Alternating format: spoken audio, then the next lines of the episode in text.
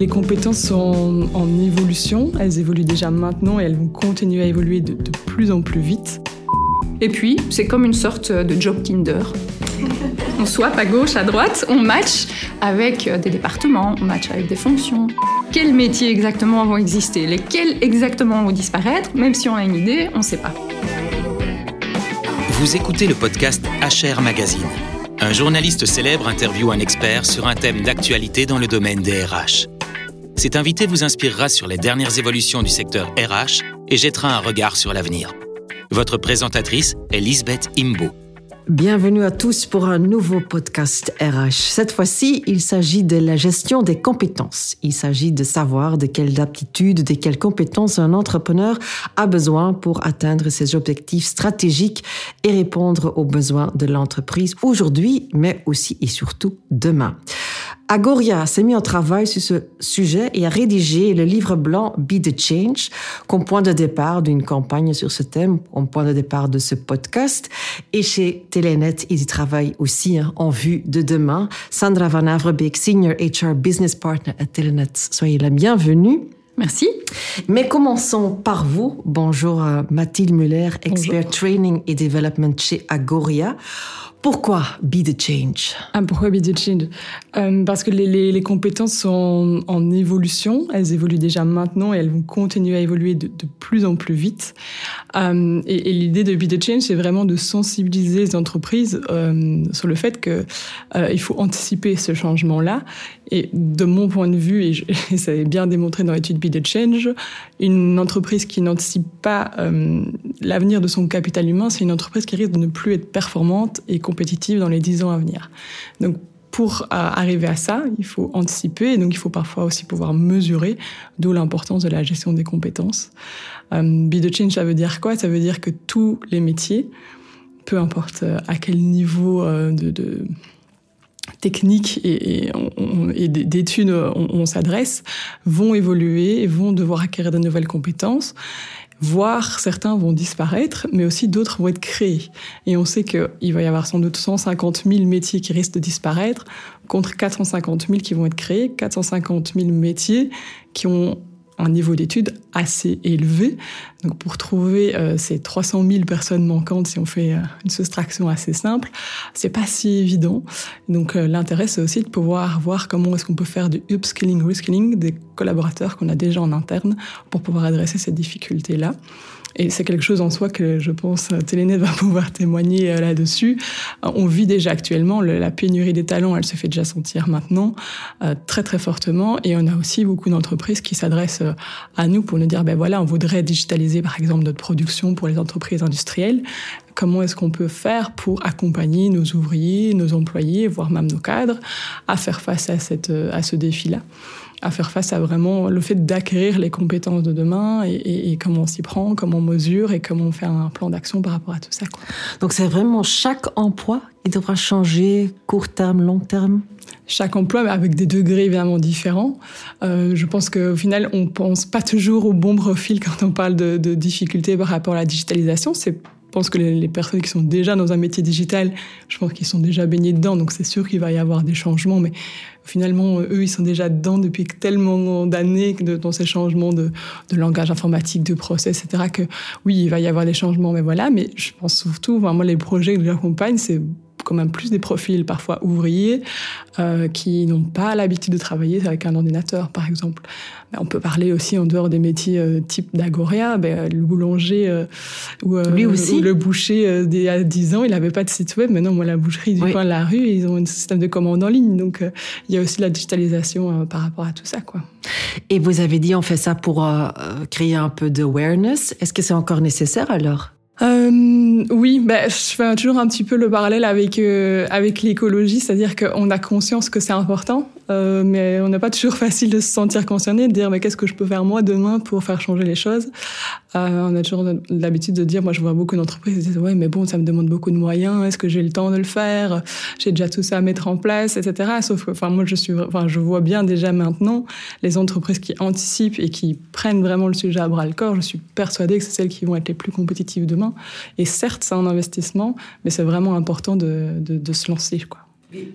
Je suis d'accord. Hein. Quand, quand, je t'entends raconter ça, Mathilde, tout à fait d'accord. Je me rends compte aussi que, en termes de recrutement, par exemple, si on suit pas, euh, si on se met pas en avant euh, euh, dans, dans, cette démarche de, de, de, préparation pour, les, pour la vitesse à laquelle ça évolue, aujourd'hui, on est aussi complètement dépassé. Si on continue à recruter euh, des, des profils sur la base de leur expérience et de leurs connaissances techniques, euh, c'est fichu. je pense que si on veut une entreprise qui soit encore performante demain, il faut aller vraiment recruter sur la base des compétences des compétences, pardon, et, du potentiel de ces compétences et comment travailler sur comment on va les aider à se développer plutôt que d'aller chercher ce qui est déjà en place. Oui, mais les compétences, ce sont les compétences ce qu'on a appris à l'école aussi, les soft skills, l'attitude, des trucs pareils Exactement. Je pense que si on recrute, moi j'appelle ça euh, une flexibilité du mindset. Si on recrute sur la flexibilité du mindset, on a beaucoup plus de chances, effectivement, de garder les gens à bord et de les amener à avoir envie de changer et à évoluer avec l'entreprise, avec les métiers qui s'y trouvent,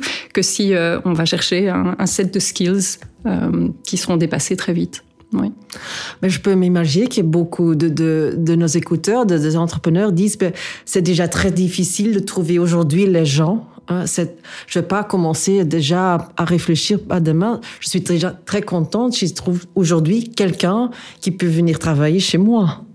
Et quelque part, je pense que c'est plus facile de trouver quelqu'un qui peut venir travailler chez moi si justement je vais, au lieu de me focaliser sur un long CV ou toute une base de, de, de skills, euh, si, je me, si je me concentre sur qui est la personne, son envie de se développer, son envie de grandir, sa flexibilité, son ouverture d'esprit, sa curiosité d'esprit, on a beaucoup plus de chances de recruter plus de monde.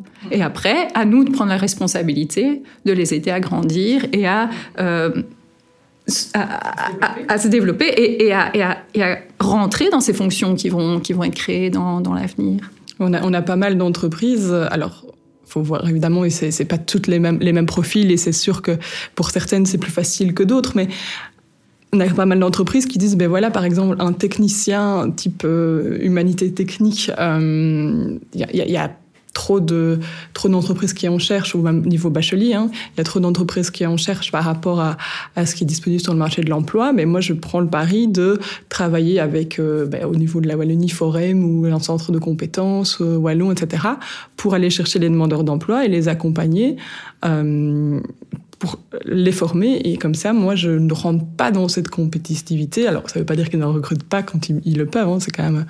Mais ils multiplient les canaux de cette manière-là. Et c'est-à-dire que si tout le monde pêche dans le même lac, euh, ben voilà, il y a un moment, il n'y a plus de poissons.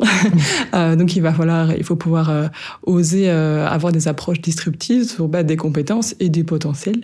Et là-dedans, cartographier les compétences attendues est euh, un, un, étape nécessaire. Mais ça, c'est évidemment pour la partie recrutement. Puis il y a aussi la partie dans l'entreprise, comment est-ce que j'accompagne le développement des collaborateurs, que ce soit au niveau collectif, dans une équipe, quelles sont les compétences dont j'ai besoin pour que ça fonctionne, ou au niveau individuel, au niveau de chaque fonction, qu'est-ce que j'attends en termes de compétences. Ça, c'est encore une autre étape une fois que le collaborateur est en place. Ça ne veut absolument pas dire qu'une fois qu'il a fini son trajet de onboarding, aussi long soit-il, parce qu'il y avait des gaps à combler, que c'est bon, c'est l'évolution des compétences ça va vraiment être euh, tout au long de la vie, le levenslang leren, comme on, dit en néerlandais, l'apprentissage tout au long de la vie. C'est euh, vraiment ultra important et ça fait aussi partie, je pense, des, des prérequis qu'on cherche au niveau de recrutement, c'est-à-dire quelqu'un qui a conscience et qui a envie de continuer à apprendre continuellement. C'est extrêmement important dans le monde dans lequel euh, on vit et qui continue à évoluer. Mais vous dites, il faut savoir alors euh, les skills dont on a besoin, l'attitude, tout ça, mais comment le, le faire en, en, pratique Moi, je suis un entrepreneur, je prends un Excel et je commence. Exactement. Exactement. C'est là qu'on arrive sur euh, les, les la partie qui fâche un peu. Euh, parce que oui, j'imagine les personnes qui, qui, vont écouter le podcast qui vont dire Ok, c'est bien, elle dit qu'il faut faire la gestion des compétences, mais c'est beaucoup et c'est difficile. Hein. On imagine l'Excel avec une liste de 50 compétences ah. Euh, longues comme le bras, avec tous les collaborateurs, avec des lumières qui s'affichent partout, ouais. euh, mise en page, mise en forme automatique, euh, et quelque chose de très laborieux. Et c'est d'ailleurs ce qu'on retrouve souvent dans les entreprises qui toquent à notre porte pour dire, ben voilà, j'essaie de faire la gestion des compétences, mais voilà, ça, j'y arrive pas, euh, ça devient euh, une machine à gaz, ça ne vit pas. Euh, l'expression qui revient tout le temps, c'est ça meurt de sa belle mort. ça, enfin oui, voilà, on n'arrive pas à en faire quelque chose. souvent, la, la raison, c'est il y a, plusieurs raisons à, tout ça, mais une des raisons déjà, c'est c'est quoi une compétence et quelles sont les compétences que je dois adresser dans ma gestion des compétences. Faut savoir qu'au niveau académique, il y a des centaines de définitions de ce que c'est une compétence et euh, vous et moi, on va pas avoir la même définition et d'une entreprise à l'autre, on va pas avoir besoin d'adresser les mêmes compétences non plus. Euh, nous, on a l'habitude de dire aux entreprises de dire enfin, la compétence que vous allez adresser dans votre gestion des compétences, c'est celle qui va avoir vraiment un impact sur la création de la valeur de l'entreprise. Qu'est-ce qu'on attend d'un collaborateur et pour qu'il arrive à, à, faire ce qu'on attend de lui, quelles sont les compétences qui vont vraiment être décisives, qui vont être stratégiques par rapport à ça. Donc, essayer de se limiter en termes de compétences, de, de keep it simple, comme on dit, euh, pour euh, pour éviter de se retrouver avec une liste de 50 compétences. L'exemple type que je donne, c'est si vous arrivez à, dans votre liste de compétences à mettre Excel, Word et PowerPoint, c'est que vous êtes sûrement allé trop loin. et comment est-ce que vous le faites? Justement, je pense que cette simplicité, c'est vraiment un, truc clé. Mais tout part du besoin de nos clients. Et c'est qui nos clients dans une entreprise? Ben, C'est les employés de l'entreprise, nos collaborateurs, c'est les people leaders, Hein. et puis c'est l'organisation elle-même. Dans les trois niveaux. Les trois niveaux. Et qu'est-ce qu'ils ont besoin, eux, individuellement? Ben Nous, on se dit, nos collaborateurs, ils ont besoin de pouvoir gérer leur carrière. Hein. C'est entre leurs mains, ils prennent la responsabilité de gérer leur carrière. C'est bien joli, mais il faut quand même un peu les aider et les soutenir. Euh, les people leaders, eux, ils ont besoin de savoir qu'est-ce que j'ai comme compétences dans les employés qui, qui, constituent mon équipe. Ils ont besoin de savoir qu'est-ce que j'ai comme compétences au niveau de mon équipe. Et ils ont besoin de savoir aussi quelles sont les compétences qui sont nécessaires pour une fonction en particulier. Ça, c'est déjà une série de niveaux différents. Et puis, au niveau de l'entreprise, est-ce qu'on peut avoir un dashboarding par, par, euh, j'allais dire, par métier, par exemple, par département, des compétences qui sont, qui sont là. Alors qu'est-ce qu'on va faire? Bah, Ou bien on prend un énorme dictionnaire, on leur balance des policies sur les compétences, déjà rien que le mot ça fait peur, euh, ou bien on dit bah, notre job en tant qu'HR, c'est en coulisses de préparer le terrain. Donc, sachant que c'est ça leur besoin, qu'est-ce que je vais préparer euh, qui puissent aller prendre au moment où ils en ont besoin pour soutenir ce besoin-là à ce moment-là. Ça veut dire aussi qu'on va pas lancer cette grosse machine à gaz sur l'entreprise en disant débrouillez-vous, mais au moment où le département A a une question spécifique, il peut prendre une partie euh, de cet outil et se mettre au boulot. Alors qu'est-ce que nous on a décidé de faire? Dans un souci de, de simplicité, dans un souci d'utilisation des technologies aussi. Euh, on va travailler avec l'intelligence artificielle. Hein.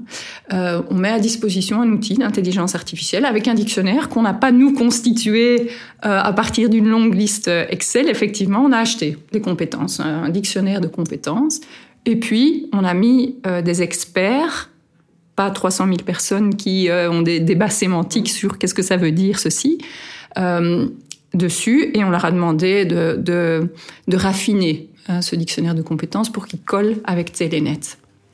Puis, on a mis ça dans la machine, dans l'intelligence artificielle. Et puis, on a dit à nos collaborateurs, on a commencé par les people leaders, allez mettre votre propre profil là-dedans. Hein c'est quoi les compétences pour vous? Et ils peuvent choisir parmi le dictionnaire de compétences, mais ils peuvent aussi ajouter des compétences qui pensent qui leur correspondent davantage. Et comme ça, ça grandit. Et on met euh, du matériel dans l'intelligence artificielle.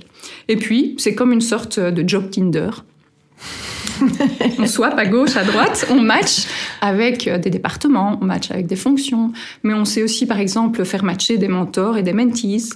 Euh, c'est un outil qui va vivre alors en fonction des besoins de l'entreprise, qui va pouvoir constamment évoluer aussi, parce que ça, c'est le risque, hein, c'est la vitesse à laquelle ah évoluent oui, les ça fonctions. Aussi la question, hein, dont on aura besoin dans 5 ans, dans 10 ans. Et ça, c'est très difficile de le prédire. Hein. On sait que ça va changer, on sait que ça va changer vite et on sait que ça va vers la digitalisation. Ça, c'est des choses qu'on sait aujourd'hui. Mais quels métiers exactement vont exister? Lesquels exactement vont disparaître? Même si on a une idée, on ne sait pas.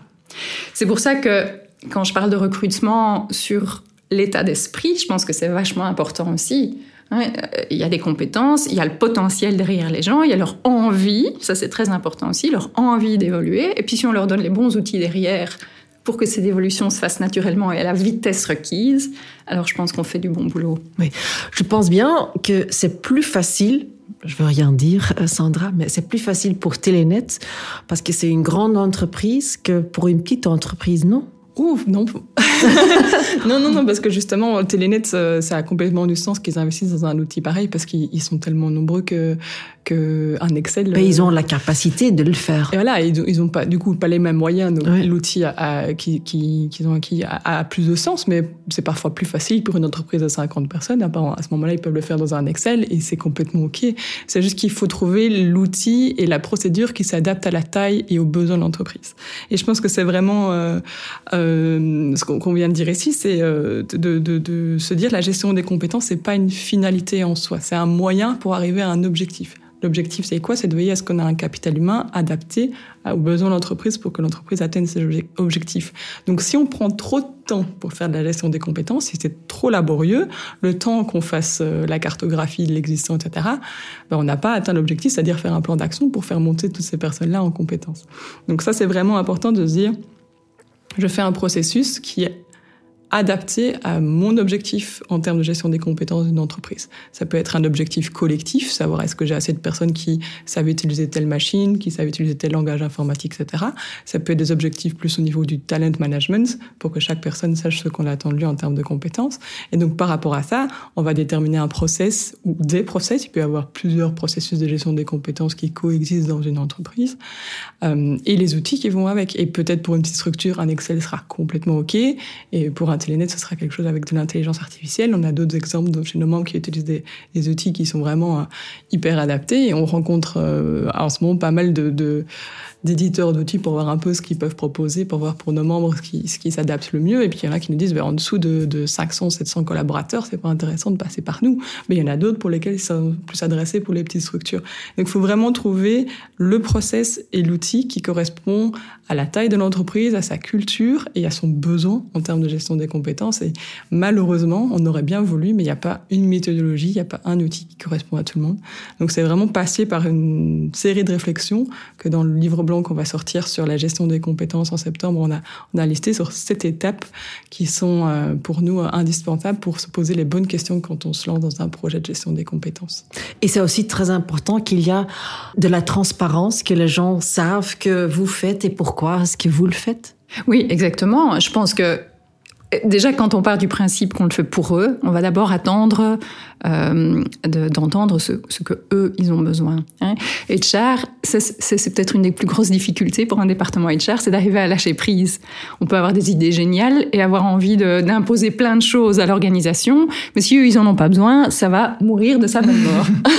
Hein, donc, on, ça aura servi à rien. On aurait mis beaucoup d'énergie, peut-être beaucoup d'argent dans des outils ou dans des, dans des principes qui seront pas nécessaires. Donc anticiper les besoins, oui. Euh, préparer dans les coulisses la technologie, le matériel nécessaire pour répondre à ces besoins, oui, mais c'est surtout continuer à les écouter et à répondre euh, en fonction euh, du moment et du besoin spécifique. On parlait là tout de suite aussi du fait que c'est peut-être plus facile ou plus compliqué hein, d'instaurer une gestion des compétences dans les petites ou dans les grandes entreprises.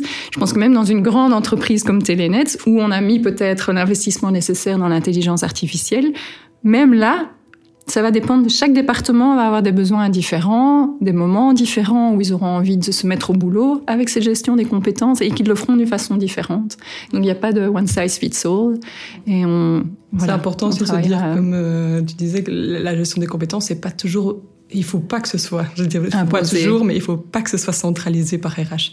Mhm. RH, il, il, est là un peu pour donner le rythme, pour, pour sensibiliser, euh, mais, mais c'est ultra important que ce soit l'employee in the driving seat, comme vous disiez, ou le manager aussi qui, prenne son, son, rôle, parce qu'il faut que ça leur parle. Si c'est RH dans son coin qui fait liste de compétences et que ça ne matche pas avec la réalité du terrain, ça, ça va jamais, va jamais prendre, ça va manquer de sens, ça va, le temps qu'ils comprennent de ce qu'on attend d'eux. Euh.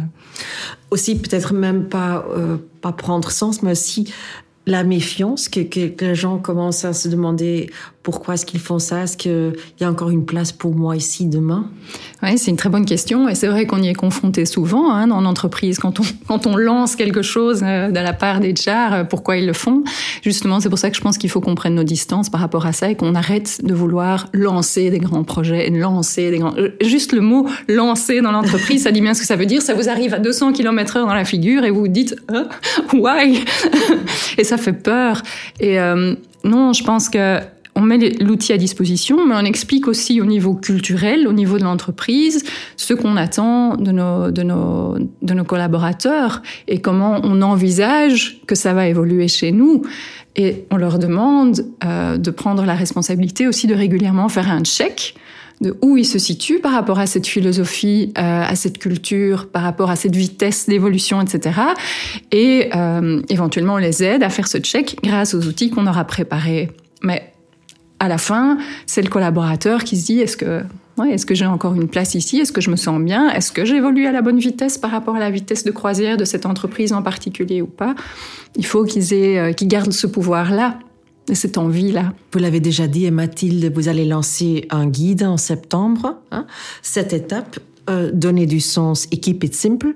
Donc ça veut dire que c'est vraiment quelque chose pour tout le monde, que toutes les entreprises peuvent faire cet exercice. Oui, tout à fait. Je pense que c'est, il y, a, vraiment pas de, de, taille minimum ou de taille maximum. C'est juste euh, que le, les, la manière de faire va peut-être être un peu différente, mais les, je pense que les questions à se poser restent les mêmes. Et c'est essentiel qu'ils se posent ces questions. C'est essentiel qu'ils se posent des questions, et je pense que dans, dans, dans vraiment, si je dois euh, vraiment une étape que je trouve extrêmement importante, c'est vraiment d'impliquer tous les acteurs clés, donc que ce soit la direction, les managers de terrain, les collaborateurs et RH aussi évidemment, euh, pour donner du sens et pour mettre de la transparence par rapport à tout ça. Et là, ça va aussi briser les tabous euh, en toute transparence. Et si on accompagne des entreprises où euh, en région wallonne il y a une présence syndicale très forte et, et sur de la digitalisation des ouvriers, donc on pourrait se dire il va y avoir un levier bouclier immense, mais non parce que la communication est, est, est bien faite et on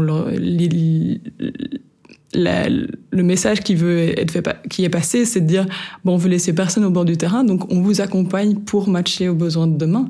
parce que si on le fait pas, parce qu'on le fait pas, mais simplement les, les collaborateurs, sont, les, leurs compétences sera pas adaptées à ce qu'on, ce dont on aura besoin demain, et ça ils en ont bien conscience et ils sont plutôt demandeurs du coup. Sandra et Mathilde, merci d'être ici et de partager tout ça avec nous tous, et euh, merci à vous tous de nous avoir écoutés jusqu'à la fin et à la prochaine.